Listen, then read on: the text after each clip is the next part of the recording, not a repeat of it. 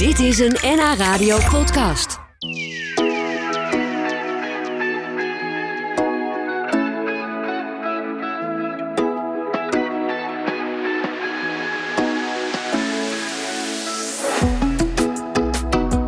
Je zou het nu niet meer zeggen, maar Noord-Holland stond ooit vol met kastelen. Het waren er een stuk of tachtig en Nancy de Jong, stadsarcheoloog van Alkmaar, die heeft de schone taak op zich genomen om de precieze plek en de bijbehorende verhalen van al die kastelen te achterhalen. Dat doet ze voor een promotieonderzoek.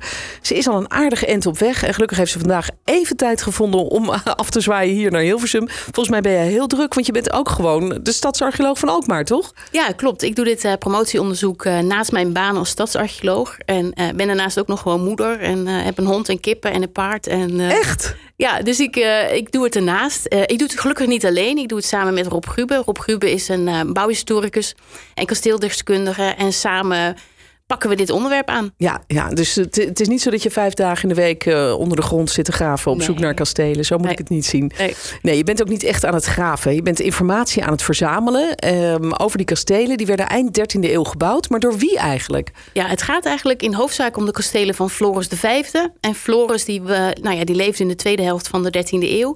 En de kastelen die zijn vader heeft gebouwd. En zijn vader is in 1254 overleden. En wie was dat? 1256. Eh, Roomskoning Willem II. Roomskoning. Ja. Dat, die term zegt mij eigenlijk al niet zoveel. Wat, wat houdt dat in? Wat was Nou ja, hij hij, dan? zou, hij, zou, hij was de koning van het Roomse Rijk. En hij zou zelfs gekroond worden tot keizer. Maar dat heeft hij niet gehaald. Ja, ja, en dat Roomse Rijk dat strekte zich uit vanaf eh, Rome tot aan nou ja, de, over, ver Noord-Holland over dus. Duitsland heen. En Nederland Ja. was daar onderdeel van. Ja, dus hij was echt een hele grote heerser. Een heel machtig mens. Ja. Willem II. Die bouwde die eh, kastelen in de 13e eeuw. Wat was het voor tijd hier? Wat waren hun eh, be- bedreigingen waarom ze die kastelen ook misschien gingen bouwen? Nou, ze wilden heel graag eh, Noord... of Tenminste, Holland was natuurlijk Holland en Zuid-Holland in één. En het grensde aan West-Friesland. En net dat stukje wilden ze heel graag bij hebben. Dus dat was echt wel een, een missie voor ze. En ongeveer vanaf 1132 hebben ze al ruzie over dat stukje. Want die Westfriesen die wilden dat stukje gewoon houden natuurlijk. Ja, die hadden Ja. geen zin om zich eh, nou ja, onder het eh, graafschap Holland eh, te laten bevinden. Ja, dus dat, dat werd strijd. Eh, hoe, hoe, hoe liep dat verder? Want hij is uiteindelijk ook vermoord, toch? Eh, In Ja. West-Friesland of, of Ja. door de West-Friesen? Of hoe zat Ja, dat? Net voordat hij tot eh, keizer gekroond zou worden, wilde hij eigenlijk in de winter nog één poging wagen om de West-Friese aan zich te onderwerpen. En nou ja, hij trok met een leger op naar West-Friesland. Je moet zien, in die tijd was het allemaal heel drassig. Dus de winter was in principe een goede tijd, omdat dan alles bevroren was. Dus hij reed met zijn paard de troepen vooruit. En bij Hoogwoud, net voor de rietkraag, zakt hij met zijn paard door het riet. En het verhaal gaat dat daar eh, boeren aan de kant stonden en die sloegen hem dood en die draaiden hem om en die dachten. Dat is de koning, weet je. En toen hebben Oh. ze hem begraven in een boerderij onder een haardplaat.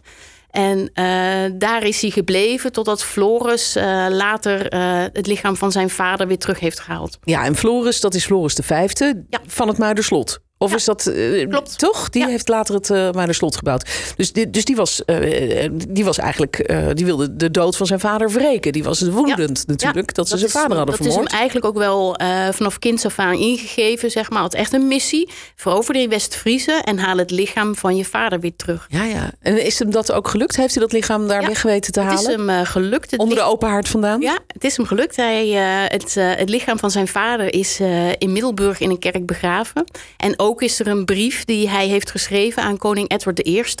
Eh, dat was een hele goede vriend van hem. En daarin geeft hij ook aan, inderdaad, ik heb het lichaam van mijn vader gevonden. En nou, je merkt, hij is blij en hij is trots. En dat hij eh, nou ja, zijn vader een goede begrafenis heeft gegeven. Ja. Ja, dat was voor hem een. Hij kon het een plekje gaan geven. Laten we het maar even in moderne Ja. termen zeggen. Maar zij waren dus allebei bezig met die kastelen. Want zijn vader was daarmee begonnen. Floris die ging vrolijk eh, verder. Eh, waar waren die kastelen vooral voor bedoeld? Ik neem aan ook als verdedigingswerk, zeg maar. Dat eh, die West-Friesen er niet in konden. Ja, klopt. Als eerste instantie zeg maar het, het gangbare idee is dat Floris een ring van kastelen bouwde, zeg maar, van dwangburgten eh, rondom Noord-Holland, om zo die Friezen te onderwerpen. Inmiddels zeg maar, zijn we wat verder in ons onderzoek. En dan kun je je afvragen in hoeverre zo'n ring zinnig is. Als er meer dan 20 kilometer tussen twee kastelen zit. Ik bedoel, dan ga je er gewoon langs. Ja, lijkt me ook inderdaad. Ja, of, en- of hebben er misschien allemaal hoge muren gestaan? Nee, het was niet zo zeg maar als een soort eh, Chinese muur die ertussen stond. Dat niet. dus je kon daar, daartussen gewoon vrij eh, door. Maar we hebben nu een idee uit eh, allerlei informatiebronnen die we eigenlijk opnieuw aan het bekijken zijn. En sommige bronnen hebben, nou ja, is nog helemaal niet nagekeken.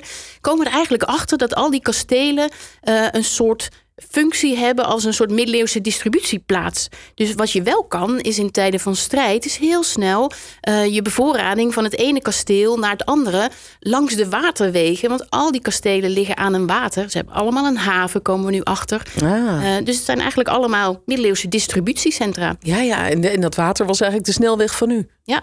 Floris was echt een man van het water. Want eh, wat ik gedaan heb, ik heb de kastelen van Willem II op een kaart geplot. En die zie je eigenlijk allemaal op de strandwal zitten. Ik heb ook de kastelen van Floris geplot. Eh, en dan eigenlijk ook zeg maar op de topografie van, eh, nou ja, van het eind van de 13e eeuw. En dan zie je eigenlijk dat alle kastelen van Floris staan langs het water. Of eh, bewaken een wateringang vanaf het IJsselmeer. Ah ja. Dus op die manier controleer jij het water en controleer jij eigenlijk de snelweg. Dus dat geeft je inderdaad macht over het water. Dus ook zeg maar tijdens militaire operaties, maar waarschijnlijk ook in het economisch verkeer. Ja, watermanagement was ook toen dus al heel belangrijk voor, eh, voor de heersers van die tijd. Ja. Floris de Vijfde, bekend van het Muiderslot. Is er nog een ander kasteel eigenlijk wat, wat hij heeft laten bouwen wat zo bekend is als het Muiderslot? Dat staat er natuurlijk ook gewoon nou ja, op. eh, onder meer zeg maar kasteel Radboud in Medemblik. Oh ja. Eh, dat kan je ook nog, eh, nog echt bezoeken. Eh, kasteel de Nieuwendoren, eh, dat is in, eh, in Krabbedam. Daarvan zijn de resten van de ruïne zijn weer zichtbaar gemaakt. Daar kan je ook nog het een en ander zien. En voor de rest zit het meeste onder de grond. Ja, ergens ook wel jammer. Maar goed, als ik hoor dat het er 80 zijn, 80 kastelen, ja, dan kan het ook niet anders dan dat die onder de grond blijven, toch? Ja, en er zijn niet alle 80 van Floris, maar er zijn er wel heel veel zeg maar, die eh, in die periode gebouwd zijn. En in die periode mocht je niet zomaar een kasteel bouwen. Dat mocht alleen met uitdrukkelijke toestemming van de graaf. Oké, nou daar horen we zo vast nog meer over. Dan praat ik nog even verder met Nancy de Jong. Ze is de stadsarcheoloog van Alkmaar. Maar daarnaast doet ze dus ook onderzoek naar 80 kastelen uit de 13e eeuw... die ergens in de bodem van Noord-Holland verborgen zijn. Gaat best wel goed, want ze heeft er al heel wat uit de dreigende vergetelheid weten te halen. Heel veel informatie opgedoken. En Nancy, we werden net gebeld door een luisteraar die zegt: Ja, we moeten eigenlijk ook wel even zeggen. Want vroeger waren Noord- en Zuid-Holland natuurlijk één. eh, dat de, de, de Ridderzaal, Binnenhof, hè, de, de, de plek van de Tweede Kamer, dat dat eigenlijk oorspronkelijk ook zo'n 13e eeuws kasteel was. Nee, dat klopt helemaal. Eh, daar heeft eh, de Beller helemaal gelijk in. Het is inderdaad nou ja, een. een Willem II heeft een deel gesticht. Floris heeft de Ridderzaal gesticht. Dus dat is zeker eh, Ja, ja. ook iets wat, eh, wat hij op zijn naam kan zetten. Maar voor het onderzoek moeten we ons zeg maar toch eh, een soort van afbakenen. Dus wij houden het bij, bij de kastelen in Noord-Holland. Ja, ja. En, en één daarvan is het Muiderslot, dat is bekend. Waren zij eigenlijk goede kastelenbouwers, die twee, vader en zoon? Ja, zeker wel. Eh, Want ja, het Muiderslot staat nog. Ja, klopt. Nee hoor, ze, ja, die zijn natuurlijk wel allemaal vrij verbouwd. Hè. Dus eh, Ja. bij heel veel van die kastelen moet je nog wel goed zoeken naar het originele metselwerk, dat wel. Maar ze waren hele goede strategische bouwers.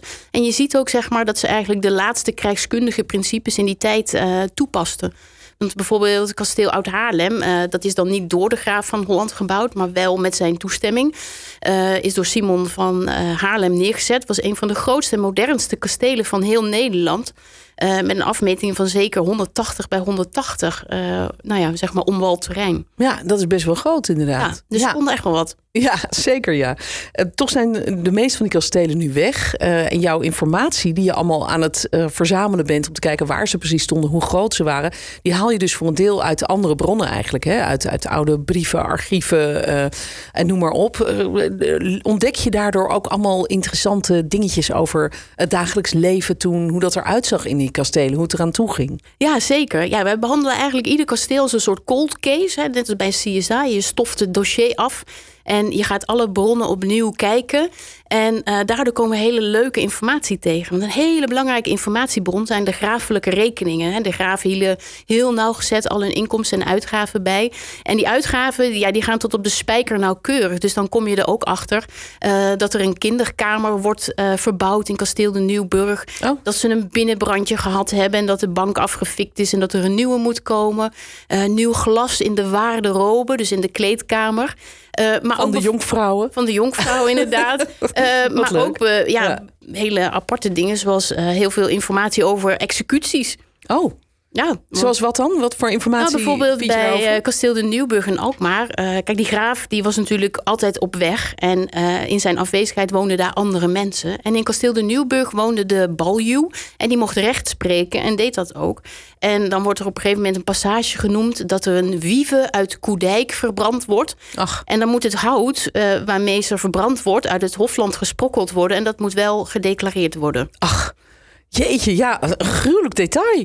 Ja, daar stonden we eigenlijk ook wel een beetje van te kijken. En sommige dingen zijn ook wel heel apart. Dat de beul, die heet dan Jan de Hangman. en die moet dan eh, komen. Dus ook zijn verblijfskosten en zijn assistenten, zeg En zijn maar. maaltijden. En zijn maaltijden. En, en nou ja, Gewoon het hout. declareren. Ja, het hout voor het schafot. Nou ja, verzin het en het staat erin. Jeetje, wat bijzonder om allemaal tegen te komen, zeg. Ja. Je, ja, je, je ontdekt gewoon heel veel over die tijd. Dat lijkt me, lijkt me mooi. Ja. Ja, over het leven toen. Eh, eh, eh, Jonkvrouwen, ridders, gevechten. Had je dat als kind al een fascinatie voor dat soort dingen? Ja, want toen ik negen was, hebben mijn ouders mij meegenomen naar een opgraving bij kasteel Strijen in Oosterhout.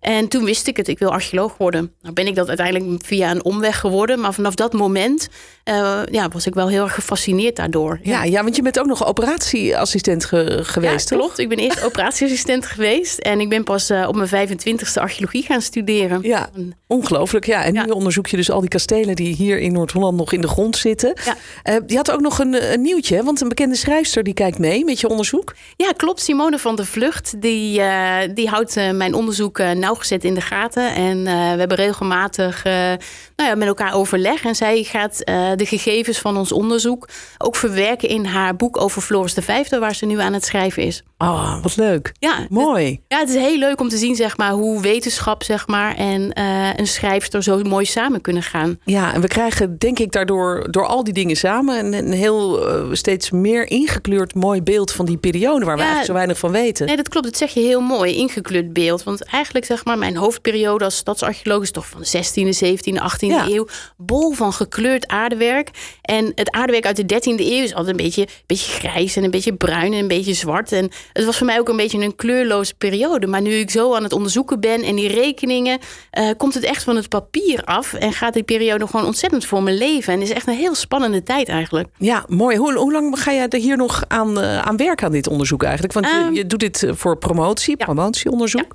Ja, normaal gesproken is een promotietraject. Als je aangenomen wordt bij een universiteit is vier jaar. Maar wij zijn wat ze dan noemen buitenpromovendi. Dus dan doe je het eigenlijk met eigen middelen en eigen tijd.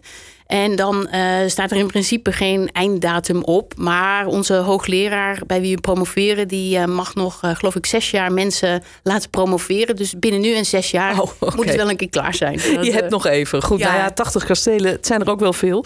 Dankjewel dat je er was. Graag gedaan.